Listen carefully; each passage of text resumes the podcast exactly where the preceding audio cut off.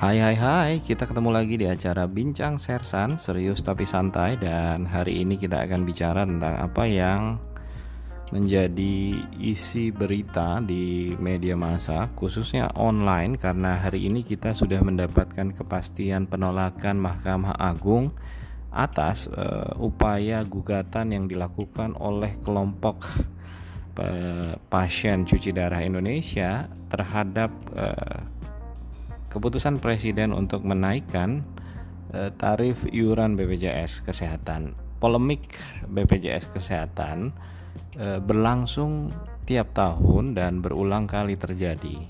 Persoalannya terkait dengan defisit dan bagaimana kemudian pemerintah memberikan sikap terhadap upaya penyelesaian persoalan defisit.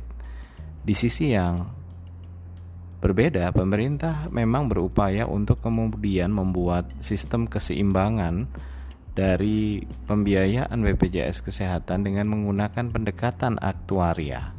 Tapi di sisi yang bersamaan kita berhadapan dengan situasi ekonomi yang juga tidak kalah rumitnya karena pasca pandemi di di, di periode pandemi ini kita melihat uh, ekonomi berjalan uh, secara perlahan bahkan dari rilis BPS uh, eh, beberapa hari yang lalu kita mengetahui kuartal kedua 2020 ditutup dengan angka pertumbuhan minus 5,32 persen.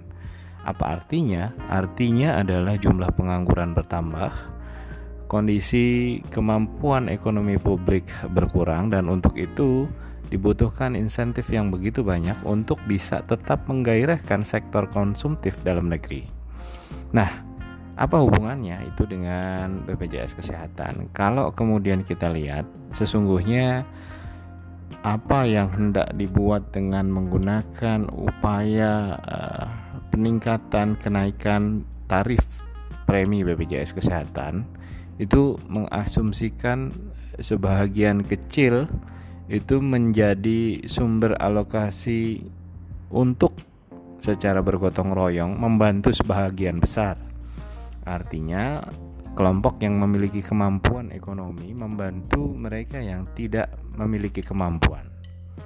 Nah, di dalam soal itu, tentu mekanisme pasar tidak menjadi patokan utama karena mekanisme yang diharapkan terjadi selain asumsi asuransi yang sifatnya gotong royong itu juga ada intervensi negara. Kenapa? Karena skema ini dikenal sebagai bagian dari perlindungan sosial. Perlindungan sosial terdiri atas jaminan sosial dan bantuan sosial. Eh, BPJS Kesehatan itu merupakan varian dari jaminan sosial untuk sektor kesehatan. Diupayakan bagi pemenuhan akses publik yang lebih luas terhadap sektor-sektor kesehatan ketika mereka membutuhkan. Sudah barang tentu, campur tangan pemerintah menjadi hal yang krusial. Tidak hanya dalam persoalan regulasi dan pengaturan, tapi juga bagaimana kemudian sustainability finansial dari program tersebut bisa dipastikan berlangsung. Dalam hal ini, tentu kita berharap pemerintah itu menempatkan sektor kesehatan sebagai kerangka investasi sumber daya manusia. There is no wealth without health. Jadi kita sulit membayangkan kesejahteraan itu tanpa kesehatan. Orang yang tidak sehat sudah pasti tidak sejahtera, tidak ada kebahagiaan dalam hidupnya. Dan untuk itu sebenarnya menarik apa yang disebut oleh Tedros, Dr. Tedros Adhanom dari Direktur Jenderal WHO yang berulang-ulang kali menyuarakan tentang health for all. Di situasi pandemi ini, sesungguhnya sudah terbuka dengan jelas bahwa persoalan-persoalan kesehatan itu menjadi persoalan yang elementer dan fundamental. Setiap tahun, dunia menghabiskan begitu banyak biaya untuk berperang tidak hanya berperang satu dengan yang lain, tapi juga berperang untuk mengatasi kekacauan-kekacauan dunia. Padahal, begitu terjadi wabah yang skalanya pandemik, kita tidak mampu melakukan respon yang luar biasa untuk melakukan perlawanan terhadap wabah sebagaimana kita menganggarkan biaya-biaya perang.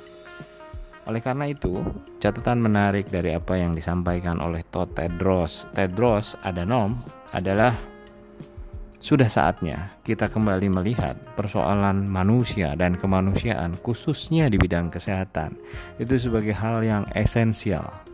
Faktor penting dari kemampuan negara untuk bisa melindungi segenap warga negara adalah dengan memastikan terbentuknya investasi sumber daya manusia dengan kesehatan yang paripurna dan untuk itu seharusnya acuan bagi pengelolaan BPJS Kesehatan mempergunakan komitmen politik yang lebih jelas, yang lebih terarah, yang lebih terpadu dalam memastikan keberpihakan bagi mereka yang tidak mampu. Itu prinsip dasar keseimbangan, keadilan, dan kemerataan. Demikian refleksi pagi ini. Terima kasih, selamat pagi.